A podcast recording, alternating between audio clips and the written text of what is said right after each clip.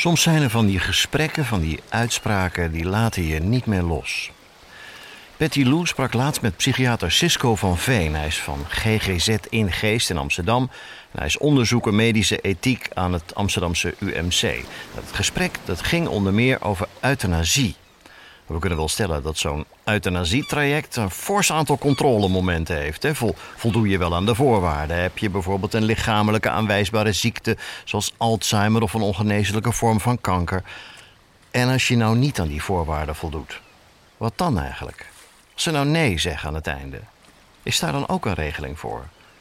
Is er een soort achterdeur waardoor je dan toch op een menswaardige manier een einde aan je leven kunt maken als je dat zou willen? En misschien denkt u dat het antwoord dan nee is. Maar het antwoord is ja. In dat gesprek zei psychiater Cisco van Veen dat volgens hem euthanasie overgereguleerd is.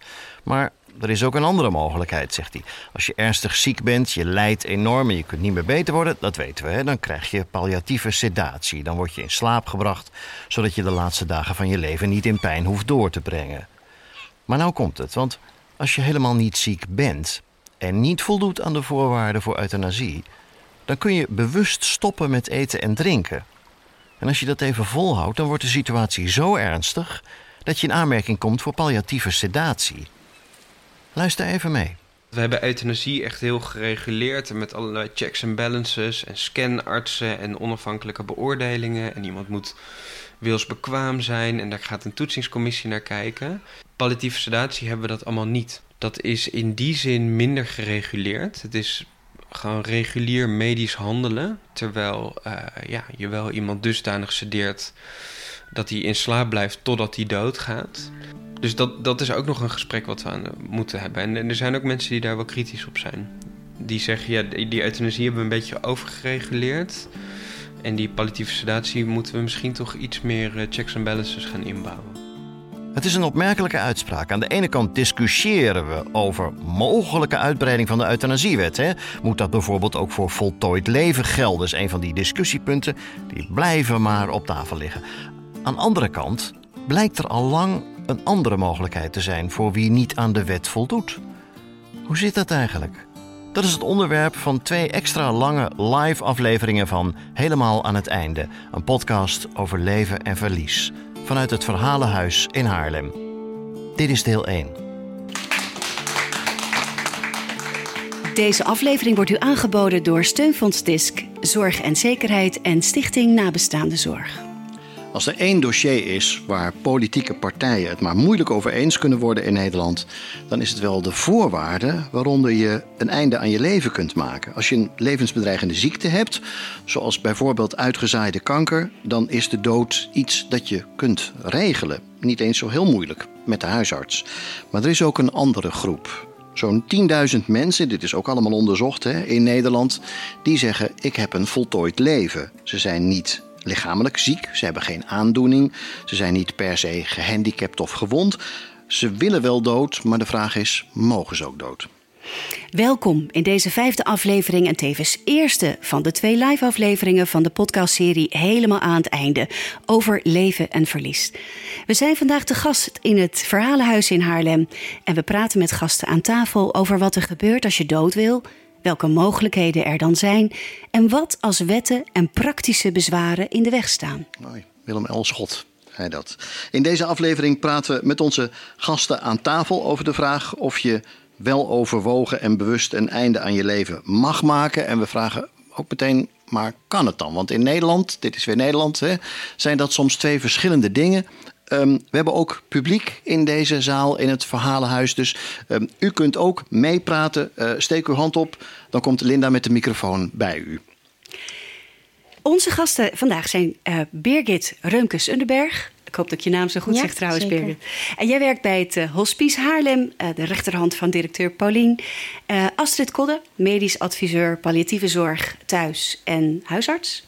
En te gast is Han Wassenberg. En Han, jij bent tien jaar scanarts geweest. En we hebben met elkaar afgesproken dat we elkaar tutoyeren. Dat maakt het gesprek altijd, wat toch al wat zwaarder is, ietsje luchtiger. Han, ik wil met jou beginnen. Want wat, wat doe je als je. Ik snap wat een arts doet, maar wat doet een scanarts dan?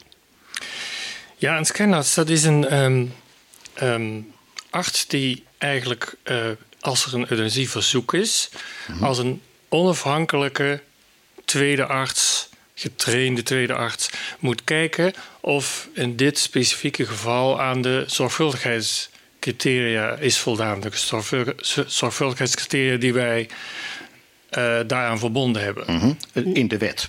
Ja. ja. Dus jij kijkt of als iemand zich meldt en zegt: uh, Ik wil graag euthanasie laten uitvoeren, dan kijk jij: voldoe je aan de regels? Ja. Dus het gaat er niet om. Uh, of je zelf de euthanasie gedaan zou hebben, of, of je. Dat gaat er dan niet om. Het enige wat je moet doen is de zorgvuldigheidscriteria testen. Dus of de arts heeft voldaan, in dit specifieke geval, aan de belangrijkste, nee, eigenlijk aan alle zorgvuldigheidscriteria. Um, Astrid, jij bent uh, huisarts. Um, en je bent ook adviseur palliatieve zorg, als ik het goed zo zeg. Um, wat voor zorg is palliatieve zorg? palliatieve zorg is eigenlijk uh, alle zorg die ertoe bijdraagt dat je het leven goed kunt afsluiten. en dat kan dan gaan om uh, het verhelpen of ja, voorkomen, indien mogelijk, van lichamelijke problemen zoals pijn of kortademigheid. Maar het gaat ook om uh, ja, de sociale en uh, spirituele zorg. Um, eigenlijk alles wat belangrijk is om, ehm, ja, als je weet dat je niet lang meer te leven hebt, om die periode zo goed mogelijk te laten zijn. Dus dat gaat over het mentale, het gesprek hebben met elkaar en het, ga, en het gaat ook over het praktische? Of? Ja, het, het eh, heeft eigenlijk heel veel uh, dimensies. Oké. Okay. Birgit Reumkens, Underberg, Underberg, Underberg? Onderberg. Onderberg. Jij bent vrijwilliger bij Hospice Haarlem en omstreken. Wat voor zorg lever je dan? Wij leveren de, de, de zorg die de mensen bij ons, uh, dat ze in het laatste stukje van hun leven alle comfort krijgen, waardoor ze het leven eigenlijk makkelijker kunnen loslaten. In alle rust en op de wijze zoals zij zelf willen. En doe je dat alleen in het hospice of ga je ook wel eens naar mensen toe zodat je die zorg thuis levert? Uh, je kunt ook naar mensen toe. We hebben verschillende teams. We werken met 100 vrijwilligers bij ons in het huis. Mhm. En iedereen heeft zo zijn eigen taak. Ik ben voornamelijk binnen. Uh, dus wij verzorgen zes gasten uh, op één keer. Maar we hebben ook een buitenteam en die gaan naar de mensen thuis. En dan ben je te gast bij iemand in huis. En dan verzorg je daar iemand. En ben je er voor iemand. Ja. Heb je dan, moet je dan ook soms medische apparatuur aan boord hebben? Want uh, als we net horen, palliatieve zorg. Je bent aan het einde van je leven. Hè, kortademigheid, uh, zei Astrid al. Kun je daar wat aan doen dan? Nou, sommige mensen die zuurstof nodig hebben, hebben thuis een zuurstofapparaat. Kunnen wij in het hospice ook hebben, maar geen beademing of dat soort zaken. Geen medische apparatuur, maar wel ondersteuning. Het gaat er eigenlijk om dat we alle comfort bieden, zodat iemand zo min mogelijk last heeft van de symptomen van de ziekte die hij heeft. Ja, ja, ik zag foto's van jullie huis en toen dacht ik, dit ziet er helemaal niet uit als een ziekte. Het is eigenlijk gewoon een gewoon huis. Ja, ja, het is een, het is een prachtig huis. En uh, het, uh, het, is ook ingericht als huis. En we willen ook graag het huiselijke gevoel heel erg vasthouden. Dus je bent bij ons de gast en we verzorgen je ook als zijnde gast. Nou, welkom alle drie. We praten straks natuurlijk wat uitgebreider met elkaar. En uh, op de tribune zit onder meer Nel. haar man Bob is eerder dit jaar overleden. een, een overlijden waar hij zelf voor koos omdat hij ernstig ziek werd. Nel, zou jij misschien ons eens mee willen nemen over wat dementie met Bob deed en misschien ook wel met jou? Ja, je raakt alles kwijt. Je raakt je maatje kwijt, je raakt je man kwijt. Ehm, je hebt er eigenlijk niks meer aan. En je bent mantelzorger en je staat 24 uur per dag in dienst. En er gebeuren rare dingen en hoe... in huis. Ja, precies. Want, want Bob zelf had er uh, minstens zoveel last van als jij. Of misschien nog wel meer, hè? Ja. ja. Hoe uitte zich dat? Ja, weet je, in het begin ben je boos. En dan zeg je snot voor u. En dan denk ik, ja, dat mag ook eigenlijk helemaal niet. Want hij kan er ook niks aan doen. En ja, dan raap je maar weer van de grond. En dan gaat in de nacht het licht honderd keer aan. En... en ja, we hebben gezeild en er gebeurden ook rare dingen op die boot. En dus boot weg. En toen wilden we gaan fietsen. Nou, zes, zeven keer in de bosjes en op straat. Dus dat ging ook niet meer. Alles ging niet meer. Dus je neemt gewoon langzaam afscheid van het, ja, het hele leven eigenlijk.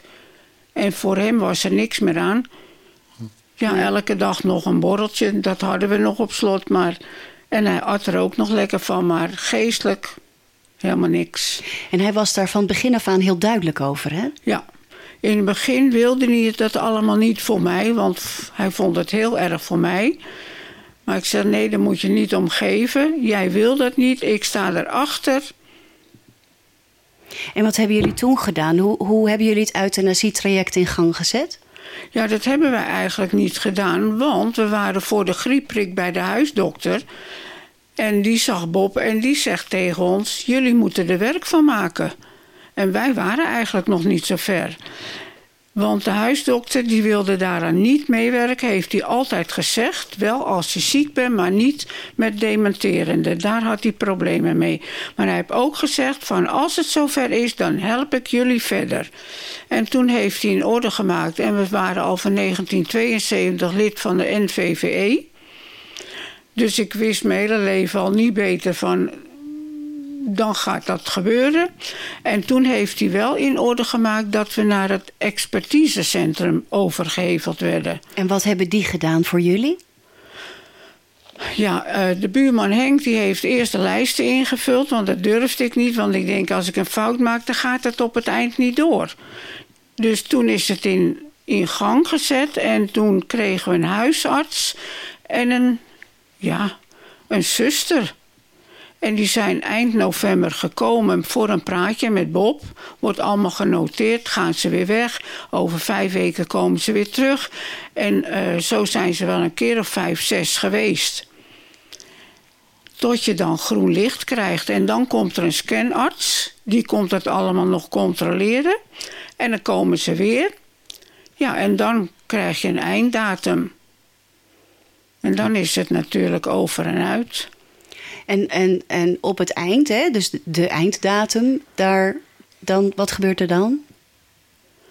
Ja, wat gebeurt er dan? We zijn uh, maandags nog een hele mooie strandwandeling gemaakt met onze dochter uit Zwitserland. Dat was echt heel mooi. Hij liep op zijn laatste eindje, want eigenlijk was het te ver. Maar dat was mooi. En toen dinsdags, ja, we hebben ontbeten nog met z'n drietjes. En, en, maar eigenlijk hadden we alles al besproken, dus we hebben niet zoveel meer gezegd. En hij tevreden mee. En ik ook. Han Wassenberg, um, u bent scanarts. Is dit een verhaal wat u bekend voorkomt? Zou u bij zo'n geval uh, betrokken geraakt kunnen zijn? Nou, Dit is een heel specifiek geval van iemand die Alzheimer heeft. Mhm. En uh, dat is voor een scanarts is dat net een heel moeilijk, uh, heel moeilijk veld. Mhm. Want uh, het is moeilijk om te beoordelen of iemand met Alzheimer of een andere vorm van dementie, in hoeverre die lijdt. Daarom ook, als mensen een echte doodswens hebben en ze hebben Alzheimer, komt het expertisecentrum in beeld. Ja, dus de vroegere, um, um, weet nou, levenseinde kliniek. Mm -hmm. Dat hetzelfde, hè, dat is, heeft een andere naam gegeven. Omdat zij daar dan meer expertise voor in huis hebben om ook die, zeg maar, wat moeilijkere uh, gevallen, zoals mensen met uh, Alzheimer of dementie of ernstige depressies om dat toch te beoordelen en in een gedeelte van de gevallen ook akkoord te gaan. Ja, nou laat ik het anders vragen. Wat, wat zou u tegen kunnen komen als scanarts? Wat kan een scanarts tegenkomen waarvan u zegt: ja, wacht even, hier gaat iets misschien niet goed? Nou, dat, dat zijn een hele hoop dingen waar je dan aan kan denken. Ik bedoel, je taak is, wat, ik, hè, wat straks al gezegd is, um, je taak is om de zorgvuldigheidscriteria om die af te tasten. Dus om te kijken of de criteria die wij met z'n allen in Nederland hebben vastgesteld, of daaraan voldaan is. Mhm. En een belangrijk criterium is of de, eh, of de patiënt of de gast uh, uh, helemaal een vrije wil heeft. Hè? Of die een, in staat is om het allemaal goed te overzien.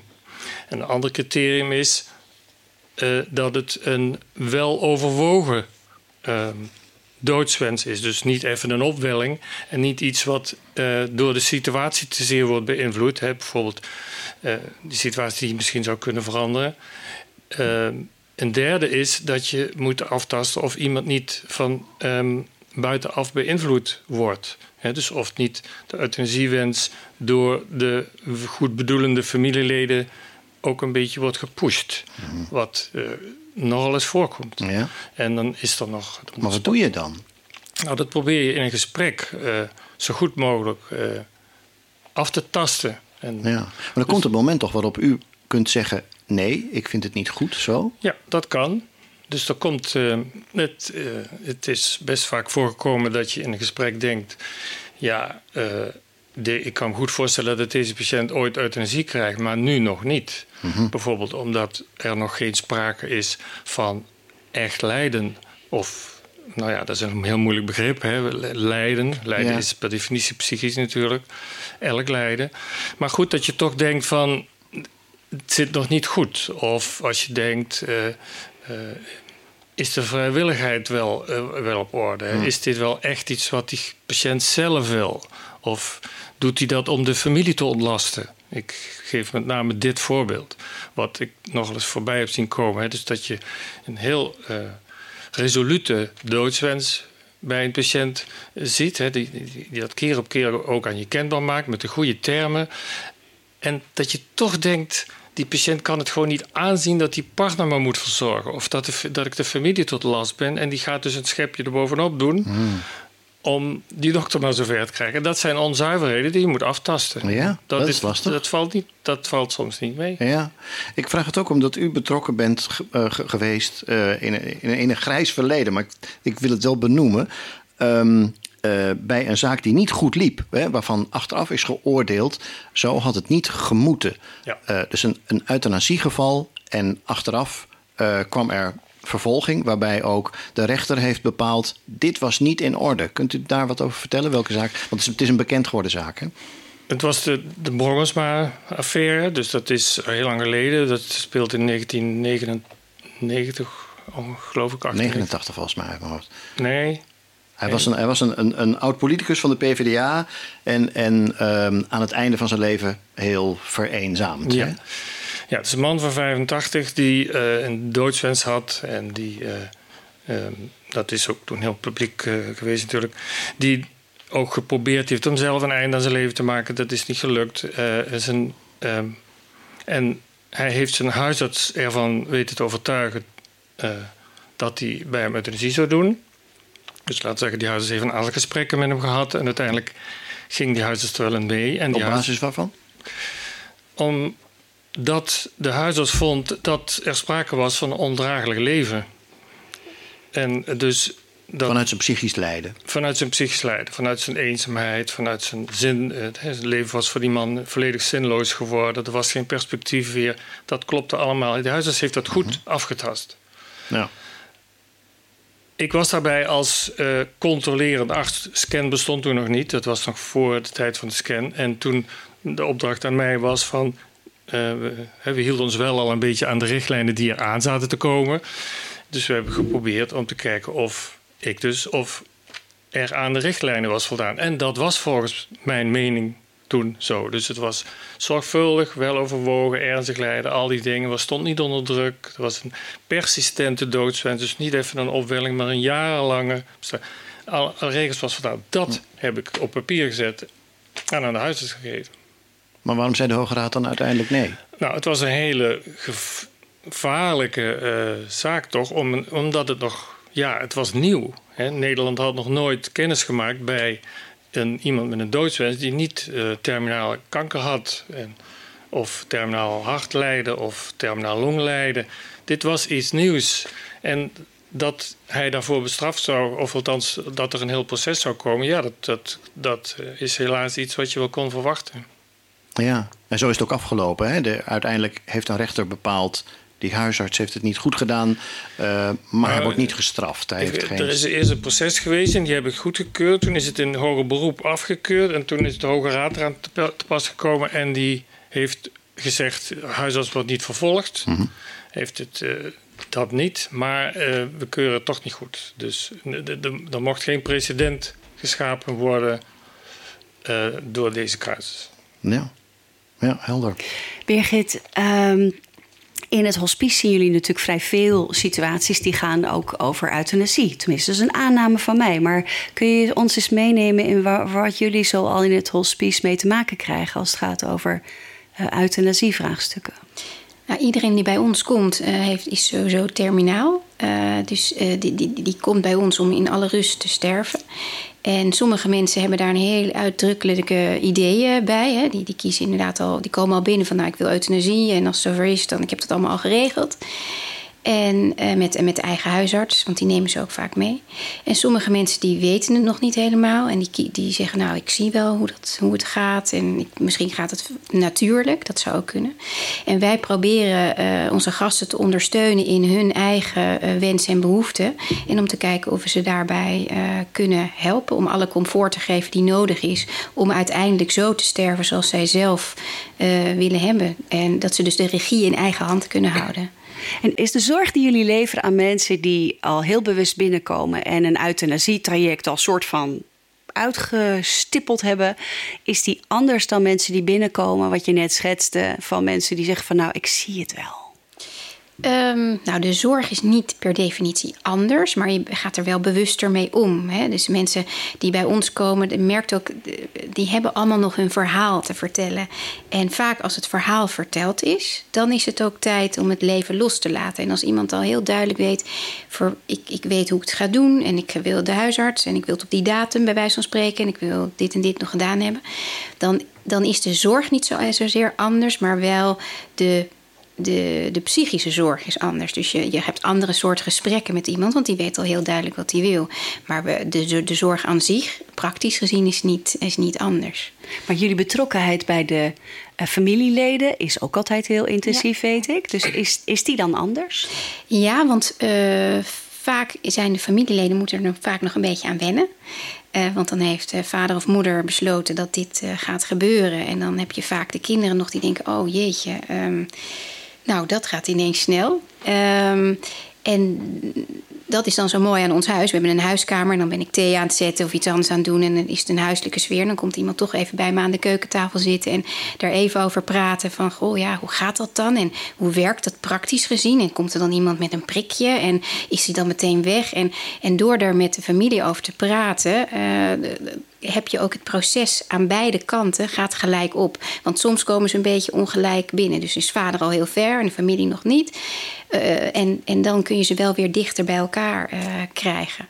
Ja, ja, dat lijkt me wel een heel belangrijk onderdeel eigenlijk aan. Ja, ja, het is, is heel belangrijk. Ja. Want het is, uiteindelijk moeten ze met elkaar het leven gaan loslaten. Degene die gaat, die, die, die heeft daar een bepaald beeld bij, maar kan daar verder natuurlijk later niks meer over vertellen. Maar degene die achterblijven, moeten daar natuurlijk ook verder mee. En het is heel belangrijk dat dat op een goed niveau uh, gaat. Ja. En dat iedereen daar ook uh, vrede mee heeft. Ja, ja. ja dat snap ik. Dat snap ik.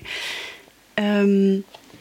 Ja, um, ik wil even naar de tribune, naar, um, weer naar jou, Nel. Want um, ik, ik, ik, zit dat zo even te beluisteren. Voor dat vrijwillig levenseinde van Bob, voordat het kon worden uitgevoerd, um, zijn er neem ik aan heel wat gesprekken geweest ja. vooraf. Hè? Ja. Hoe, hoe, hoe, hoe, vaak was dat dan? Nou, minimaal zes, misschien wel zeven. En, en ook nog op de dag zelf, hè? Dan komen ze binnen en wordt het weer gevraagd. En toen werd Bob een beetje bozig. Ja? Dat, uh, ja, echt waar. Want hij zegt, uh, moet ik het nou weer vertellen? Nou, toen uh, mochten we naar boven. Hij had ah. er helemaal vrede mee. Ja. Dat, maar dit lijkt me wel lastig, want um, Bob had Alzheimer. Dus ja. We weten allemaal wat dat met je, wat dat met je, met je, met je doet. He, dat je veel moeilijker uit je woorden kunt komen. Veel ja. minder helder je gedachten op een rij hebt. Maar dat wordt eigenlijk dan wel verlangd. Ja, maar het was heel raar. Als, als Patty of zo kwam of een ander, dan, dan wilde hij wat vertellen. En dan ging het niet. Dan was het... En dan kwam uh, de arts met de verpleegster. En dan werd hij weer uh, gevraagd van dit of dat. Hij kon echt heel goed verwoorden. Hm. Hij heeft nooit daar uh, ja, uh, zitten stotteren of dat hij het niet wist. Want als we bij vrienden waren, dan keek hij me aan, kreeg hij verdrietige ogen en dan, dan kon hij het niet meer vertellen. En bij hun, en daar ben ik eigenlijk wel heel dankbaar voor, dat hij tot het einde goed heb kunnen verwoorden. Was je daar zenuwachtig voor? Ik? Nee, nee. Nee, maar als hij ineens iets, ja, uh, iets anders gezegd zou hebben, of het niet goed verwoord zou kunnen dat hebben. Dat dacht ik wel eens een keer van oeh, oeh, oeh. Want die morgen dat ze dan kwamen, dacht ik ook, oh jee, oh jee, want het kan nog altijd fout gaan. Ja. Want Hebben jullie dat voorbereid? Ja. Hoe? Geoefend. Geoefend. Wat ga je zeggen als ze vragen, hebben jullie het zo geoefend? Nee. Ja, maar ik mocht niks zeggen, hè? Nee, nee, maar ik bedoel, ik kan me voorstellen dat je vooraf even zo'n gesprek met z'n tweeën. Nee, dat ging helemaal. Nee, uh, nee. Oké. Maar um, je moet er wel op tijd bij zijn, want als je het niet meer kan verwoorden, dan gebeurt het niet. Ja. Anne Wassenberg, dus... um, dit is wel een punt, want kijk, ja. iedereen snapt dat iemand die Alzheimer heeft, dat hij wat lastiger uit zijn woorden kan komen. Maar dat kan ook een andere reden hebben. als je een terminale vorm van kanker hebt, dan kan het ook zijn dat je niet meer zo goed weet wat je nou eigenlijk wilde. En dan? Als, ja, je moet je eigenlijk voorstellen dat als er is één voorwaarde eh, voor een euthanasie is dat je het kan communiceren met de patiënt. Hoe dan ook. Het is niet erg als je patiënt bijvoorbeeld um, een broerte gehad heeft en moeilijk uit zijn woorden komt, maar hij moet wel nog kunnen denken en je moet kunnen praten. Beetje.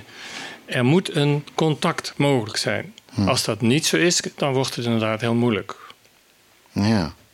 Dus als mensen, als er bijvoorbeeld mensen kunnen ook een, door een uh, omstandigheid zoals dat in de gewone terminale zorg kan ontstaan. En bijvoorbeeld als er een delier is. Een delier dat is een soort verwachtheidstoestand door de ziekte zelf. Mm ja, dan is er ook een soort. Dan is er een situatie ontstaan waardoor je eigenlijk niet meer met elkaar kan praten. Waardoor je ook niet meer zou kunnen bespreken hoe dat zit met de doodswens, met de euthanasie. Ja, dus dan ben je te laat, zoals Ben je te laat. En dan gaat het niet door. Ja. Nou, dat, dat, is niet, dat is niet gezegd, want mensen met een, die, waar, waar dus de communicatie erg moeilijk ligt, die kunnen terecht bij, de, bij het expertisecentrum.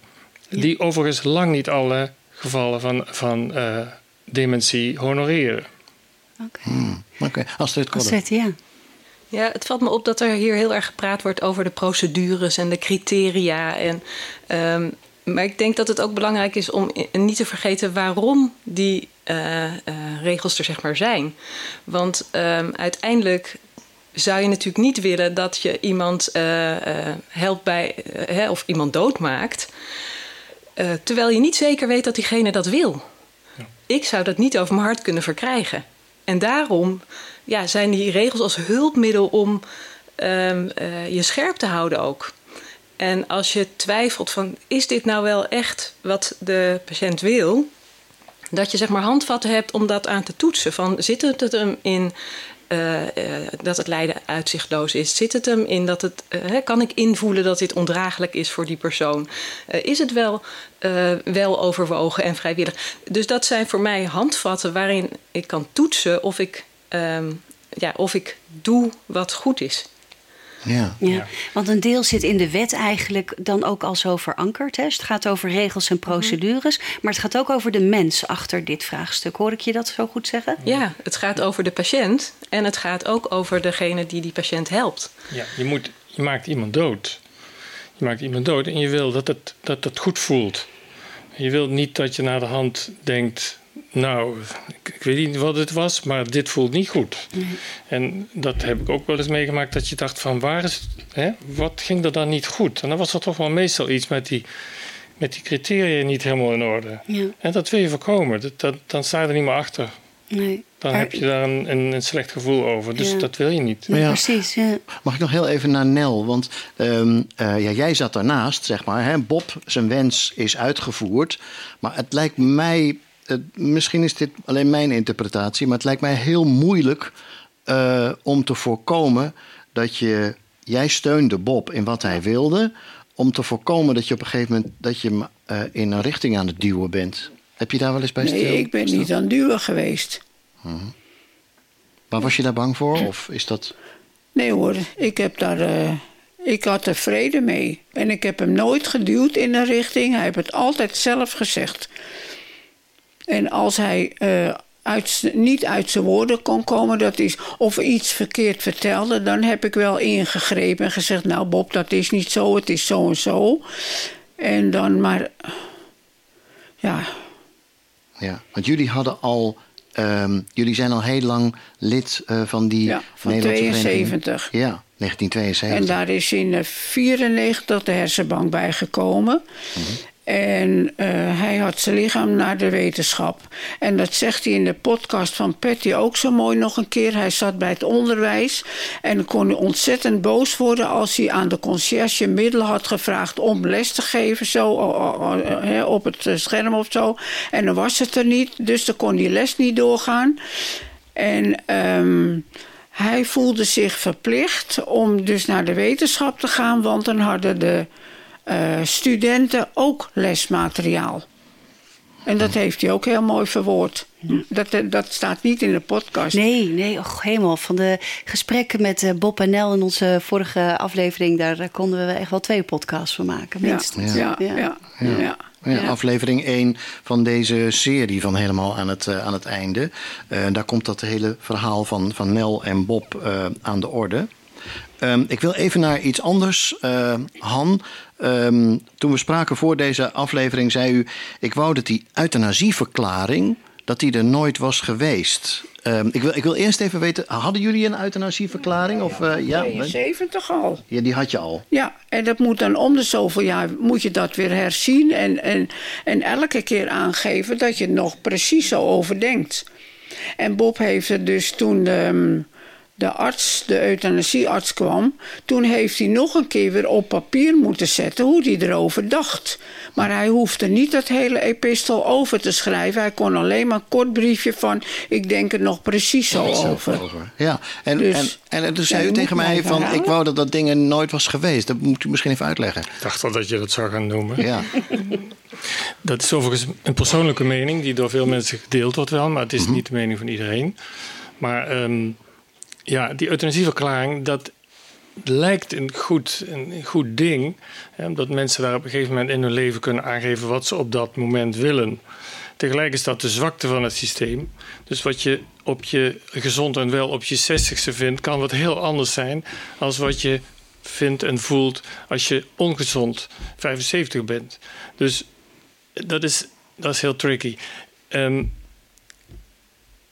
de wet vroeg, als je dus een euthanasie gedaan is, uh, ze, kwam er vroeger een schouwarts en die wilde de, de euthanasieverklaring wilde die altijd in. Als je er niet bij had, dan was het niet goed. Maar dat is lang niet meer zo. Dus er is, het is niet eens meer nodig om een euthanasieverklaring te overleggen in geval van euthanasie.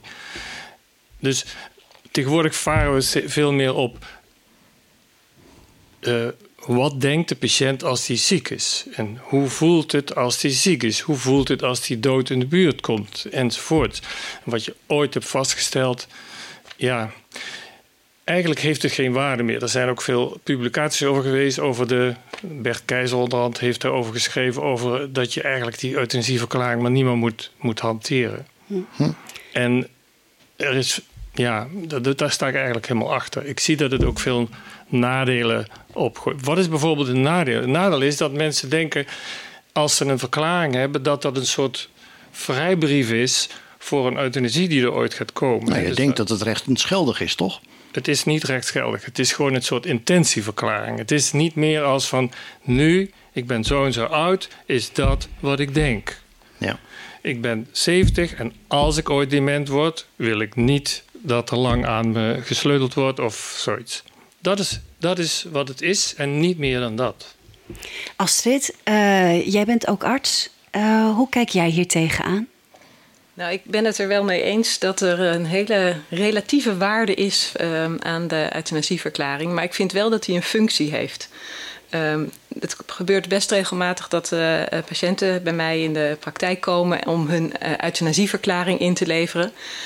En dat vind ik eigenlijk een heel mooi moment om te gaan praten over uh, wat zij belangrijk vinden. En uh, je kan dus op die manier in gesprek raken over welke zorg mensen wel en niet willen.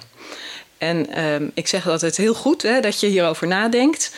Um, ik denk dat het belangrijk is dat je weet dat ik geen principieel tegenstander van euthanasie ben.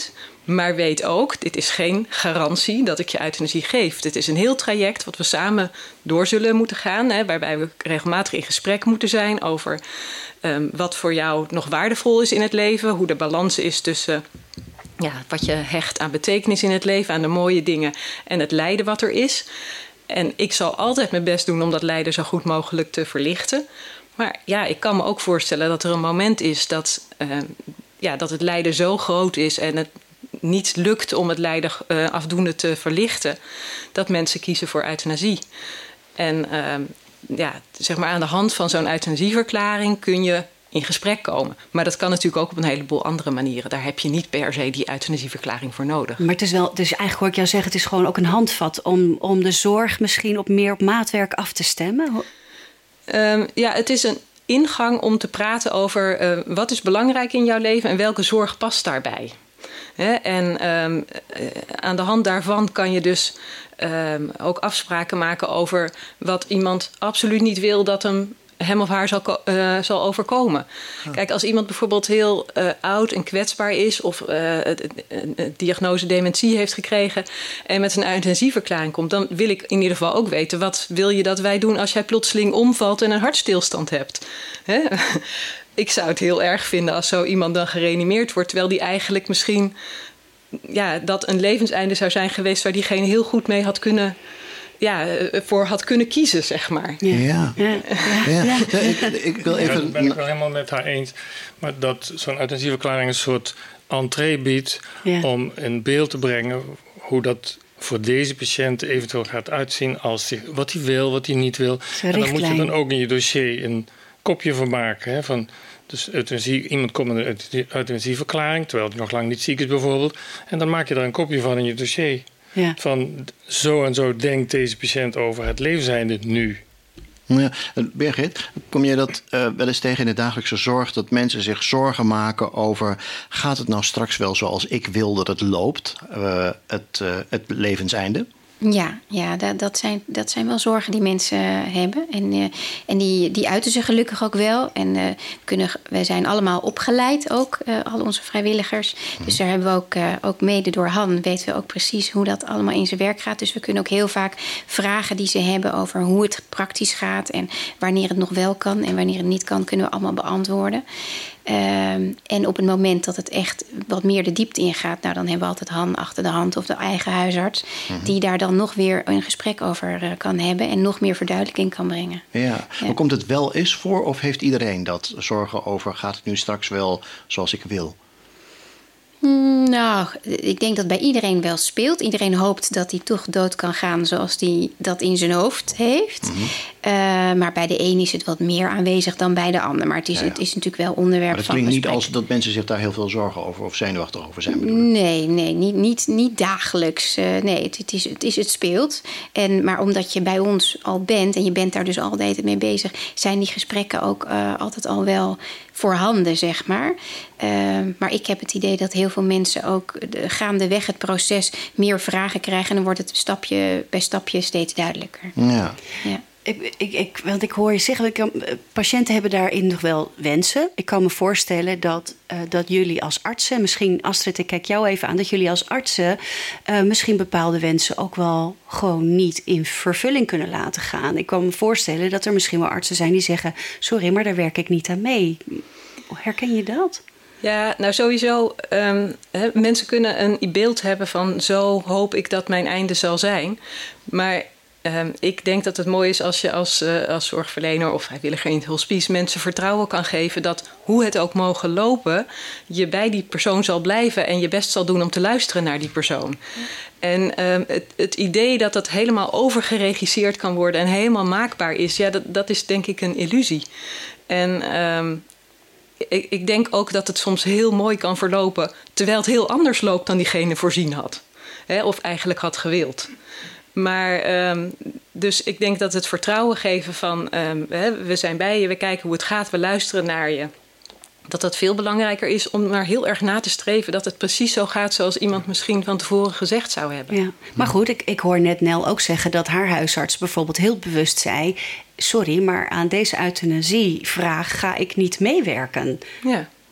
Ja. Nou ja, dus als, als, als je als, uh, als huisarts of als uh, individu, zeg maar, mensen dingen van jou vragen die jij echt niet met je waarden en normen kan verenigen, dan denk ik dat je het niet moet doen. Maar daar moet je dan denk ik ook wel helder over zijn. Ja, wat zou je dan zeggen tegen iemand die komt en zegt: uh, Dokter, mijn leven is voltooid, al mijn vrienden zijn al overleden en ja, mijn, mijn kinderen die spreek ik niet meer, die wonen in Amerika of zijn misschien ook overleden. Ik verzin het nu ter plekke, hè, maar ik mhm. probeer aan te geven van waarom iemand een voltooid leven heeft. Wat zeg je dan? Ik wil dood, zegt die persoon. Ja, nou, ik, ik zou eerst heel erg willen begrijpen waarom iemand tot dat punt komt. Mhm. En um, ik, ik, zou willen weten, um, ja, waarom komt deze persoon nu op dit moment met dit verzoek? Hoe is dat rijpingsproces gegaan? Is er een aanleiding geweest om dat op dat moment aan te geven? En, en ik, ja, ik zou in gesprek willen gaan en kijken Ehm, of ik op een, een of andere manier ehm, ja, die persoon zou kunnen steunen om wel weer betekenis te kunnen geven aan zijn leven. En ik weet, dat zal misschien niet altijd lukken, maar ik mhm. vind het wel mijn eerste taak om dat te proberen. Maar bedoel je daarmee te zeggen, daar valt nog wel wat aan te doen, een voltooid leven? Nou, eh, soms. maar soms denk, ook niet dus? Nee, ik denk soms ook niet. En dan? Uh, nou Kijk, als iemand ehm, aan mij zou vragen van... Ehm, eh, wil jij, hè, ik, wil, ik wil dood, kun jij mij euthanasie bieden? Uh, um, en iemand zou dat echt...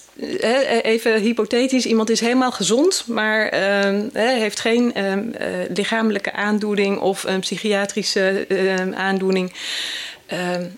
en het is puur het, het geen betekenis meer kunnen geven aan het leven, dan vind, voel ik mij eigenlijk als arts niet in staat om die afweging. Waarom zou ik dat als dokter moeten? Weet je, ik snap iets over ziektes. Ik snap een beetje over wat ziekte uh, doet met mensen. Maar ik ben niet degene die over uh, uh, het. het zeg maar, waarom zou ik als arts meer uh, in de situatie zijn om te beoordelen of iemand klaar is met het leven dan een ander. Hm. Han Wassenberg? Ja. Want dit is jouw gebied. Beoordelen of iemand klaar is om uh, te overlijden, of het mag. Ja, maar mag ik daarvoor nog iets anders zeggen? Ja. Die, die, Sla niet te veel op de die tafel. doodswens waar, waar we het over hebben, die is, is al eerlijk gezegd, die is altijd situationeel. Of althans, die is vaak situationeel, die is relatief dus als je iemand uh, met een echt een geuite doodswens, als, als je de omstandigheden zou kunnen veranderen, soms kan het, soms kan het niet. Maar als dat wel kan, vind ik dat je er alles aan moet doen, als, als dokter ook, om dat eerst te proberen. Het is een beetje wat de, C, de ChristenUnie ook zegt, en ik wil het toch maar even noemen, vind ik geen onzin. Als mensen dus echt zeggen: Mijn leven is leeg, mijn leven is klaar, ik heb geen kanker, geen uitgezette. Maar ik wil gewoon hartstikke graag dood, want mijn leven is niets meer waard. Dus iedere ochtend een virus ik. Ja, je zou, ik ben ervoor om toch te kijken of je die omstandigheden kan verbeteren, zodat die doodswens minder wordt. En dus dat komt helemaal overeen ook met het gegeven. Dat breng je zo iemand vanuit zijn eenzaamheid in het ziekenhuis elders. In een hospice zie je vaak de doodswens verbleken. Dat is niet voor niks. Dat zie je altijd. Bijna altijd. Dat is niet voor niks.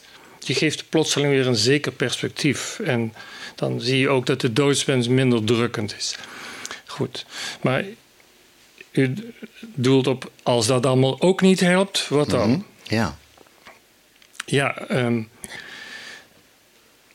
kijk, je hebt twee manieren om, of je hebt eigenlijk vier manieren om je einde te bereiken. En dat is de natuurlijke weg, tenminste zo zie ik dat. En dat is de natuurlijke weg met heel veel problemen aan het einde, waardoor een, die kun je soms oplossen door iemand palliatief te sederen. En dan zijn er een weg drie en weg vier. En dan verkort je het leven. En één weg is de euthanasie. Bij euthanasie zeg je, mijn, mijn lijden is ondraaglijk, dokter maakt mij dood. Met alle omstandigheden en voorwaarden waar we het net over gehad hebben. Maar er is nog een vierde weg. En die vierde weg, die, daarmee kan, je, kan de patiënt zichzelf doodmaken. Dus, en dat is de weg van de begeleide zelfmoord middels het bewust stoppen met eten en drinken. En die vierde weg die komt in beeld als uh, een patiënt echt een heftige doodswens heeft, maar niet voldoet aan de criteria voor euthanasie. Ja. Nou, daar, gaan we straks, daar kom ik straks even bij je op terug, uh, Han. Want het is wel, het is ook een, zeker eentje waar we aandacht aan willen besteden. We hebben even nu het onderwerp voltooid leven aangeraakt met elkaar. En ik wil me even richten tot het publiek. Want wie zou zich kunnen voorstellen dat, dat er sprake kan zijn van een voltooid leven en je misschien zou willen ophouden met leven? Wie zou daar iets over willen vertellen? Of vragen wellicht, hè? want we hebben hier allerlei experts aan tafel. Ik heb in een TBS-kliniek gewerkt en als zo'n behandeling dan gewoon slaagt, dan gaan ze naar buiten. En dan hebben ze ontdekt dat niet gewoon die vrouwen verkrachten, dat door die vrouwen kwam dat ze te korte rok hadden, foute schoenen, het haar niet leuk, maar dat zij zelf schuldig zijn. En daarna komen ze na een aantal jaren weer terug en hebben ze ontdekt dat het helemaal alleen aan, exclusief aan zichzelf ligt. En ik bedoel van, en dan komen ze, komen ze opnieuw in de maatschappij en dan voelen ze zich buitengewoon schuldig.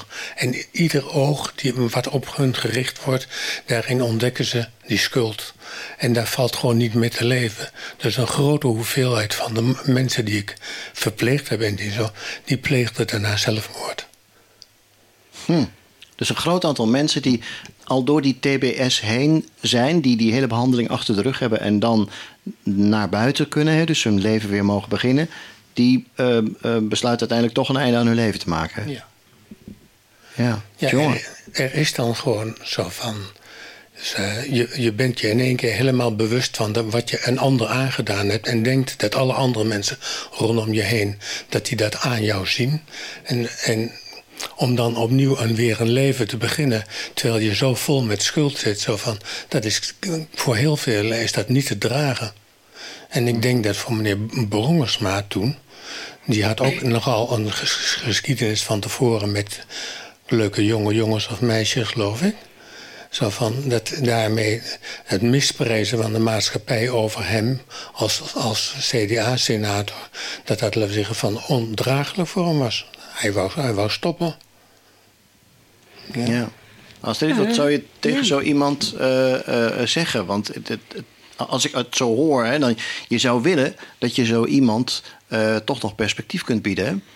Ja, ik kan me voorstellen dat als je het besef hebt dat je dingen hebt gedaan in je leven waar je je extreem schuldig over voelt en daarmee zien te dealen, dat dat een enorme opgave is, dat, dat kan ik me voorstellen. Maar um, ja, ik, ik vind ook dat we dan moeten kijken hoe we uh, kunnen helpen bij het, het, uh, het, het draaglijk maken van die situatie. En of je, uh, ik denk ook dat mensen Soms door, door vergiffenis te vragen of uh, uh, een nieuwe uh, ja, invulling van hun leven, waarin ze juist kunnen bijdragen aan iets positiefs. wat ja, tegenover dat, die dingen die je hebt gedaan waar je heel veel schuld over hebt, dat dat misschien ook iets kan zijn waardoor mensen ja, toch een andere afweging maken. En, en ja, die doodswens kan verbleken. Maar ik, ik wil niet zeggen dat dat altijd mogelijk is. Dat realiseer ik me ook. Nee, er kan heel wat lading zitten hè? Op, een, op, op perspectief of nou, perceptie, moet ik beter zeggen, van een voltooid leven. Hè, dat blijft persoonlijk, hoor. Dat jou net ook mm zeggen, Han. Het, is een, het zit tussen je. Het is iets wat je, wat je in je gedachten meeneemt. Hè? Subjectief, ja. Subjectief. En, en, en hoe is dat voor jou, Birgit? Want jullie zien natuurlijk in het hospice ook wel mensen die wellicht ervaren dat hun leven voltooid is. Uh, ja, maar bij ons liggen ze ook om, omdat het einde ook echt uh, nabij is. Um, en uh, waar wij ons met name op richten is omdat daar zoveel mogelijk comfort omheen te bieden. soms moeten mensen er ook nog heel erg aan wennen dat, dat het einde nabij is. En daar kunnen we ze dan ook weer bij, bij helpen. dus wij bieden met name het comfort om dat op een rustig moment te laten gaan. In onze volgende live aflevering van Helemaal aan het einde praten we onder andere over uh, levenseinde situaties zoals die in hospices uh, plaatsvinden. Um, horen de verhalen over de terminale zorg. Welke veranderingen zien ze als het gaat over aandacht, professionaliteit en levenseinde vraagstukken. En we praten over palliatieve sedatie. En voordat je denkt dat zoiets maar heel weinig voorkomt, nou, dat komt vaker voor dan euthanasie, duizenden keren per jaar. Wat is dat? Hoe gaat dat? Waarom doen mensen dat? Daar praten we over in de volgende live aflevering van Helemaal aan het einde. Heb je een vraag over deze podcast? Neem dan contact met ons op via Instagram, Twitter, Facebook of e-mail. Je vindt alle links in de show notes. Dat is de tekst bij deze aflevering in je podcast-app. In die show notes vind je ook links naar meer informatie over de onderwerpen in deze aflevering. Of ga naar onze website helemaal aan het einde.nl. Daar vind je alles overzichtelijk bij elkaar. Heeft deze aflevering je geïnspireerd of geraakt? Schrijf een review bij Apple Podcast of laat een rating achter. Of als je luistert via Spotify, deel de aflevering. Dan help je anderen om deze podcast te ontdekken. En vergeet niet om je gratis op deze serie te abonneren met de subscribe of abonneerknop. Dan verschijnen nieuwe afleveringen automatisch in je podcast-app.